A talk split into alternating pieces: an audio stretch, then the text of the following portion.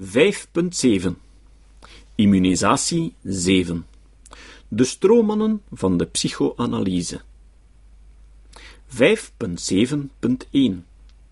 De schaduwzijde het drogargument van de stroomman is beslist niet door de Freudianen uitgevonden, en in tegenstelling tot bijvoorbeeld de symptoomanalyse van de kritiek of de strategie van de cynische Socrates, beroept dit argument zich niet op de theorie interne concepten. Het drogargument is een klassieker in nagenoeg alle discussies en bestaat erin het standpunt van de tegenstander te vervormen of te overdrijven met de bedoeling het eigen standpunt redelijker te doen uitschijnen. In het geval van de psychoanalyse vertoont het Stroman-argument een nauwe affiniteit met de exclusiviteit van het truïsme, waarvan het in zekere zin de schaduwzijde vormt.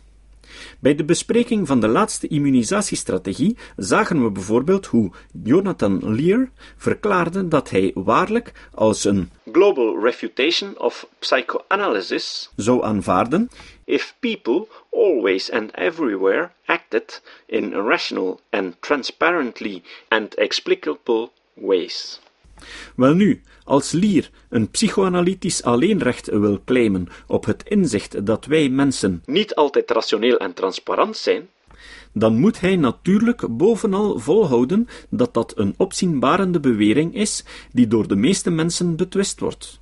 Met andere woorden, als Lier het hele gebied van de menselijke irrationaliteit wil koloniseren, dan doet hij er goed aan om zijn opponenten in een klein hoekje terug te dringen, zodanig dat het gemakkelijk handelbare stroopoppen worden.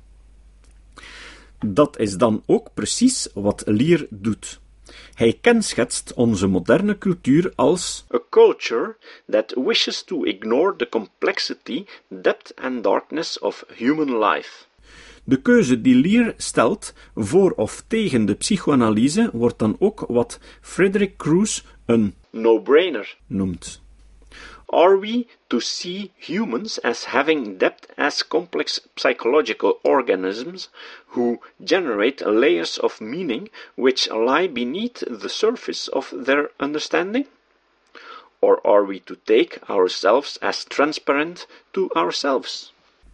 Mark Edmondson treedt Lier bij en schrijft dat we, wanneer de psychoanalyse uit onze cultuur zou verdwijnen, een mensbeeld krijgen in which we are always in a position to know ourselves, can always comprehend who we are and what we want.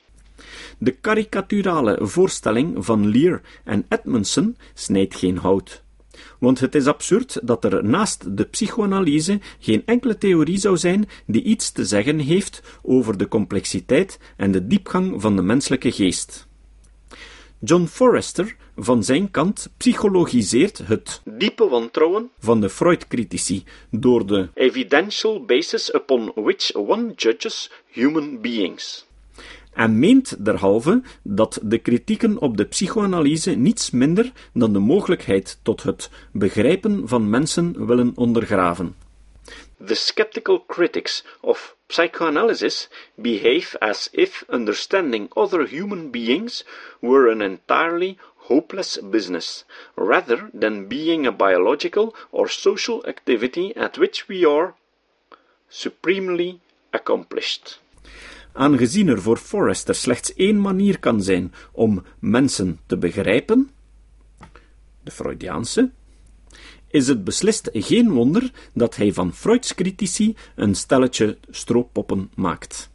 Door zich zodanig blind te staren op de specifieke theorieën over menselijk begrijpen of complexiteit, komen Forrester, Lear en Edmondson ertoe om die theorieën uiteindelijk te gaan vereenzelvigen met het domein zelf waarop ze van toepassing zijn.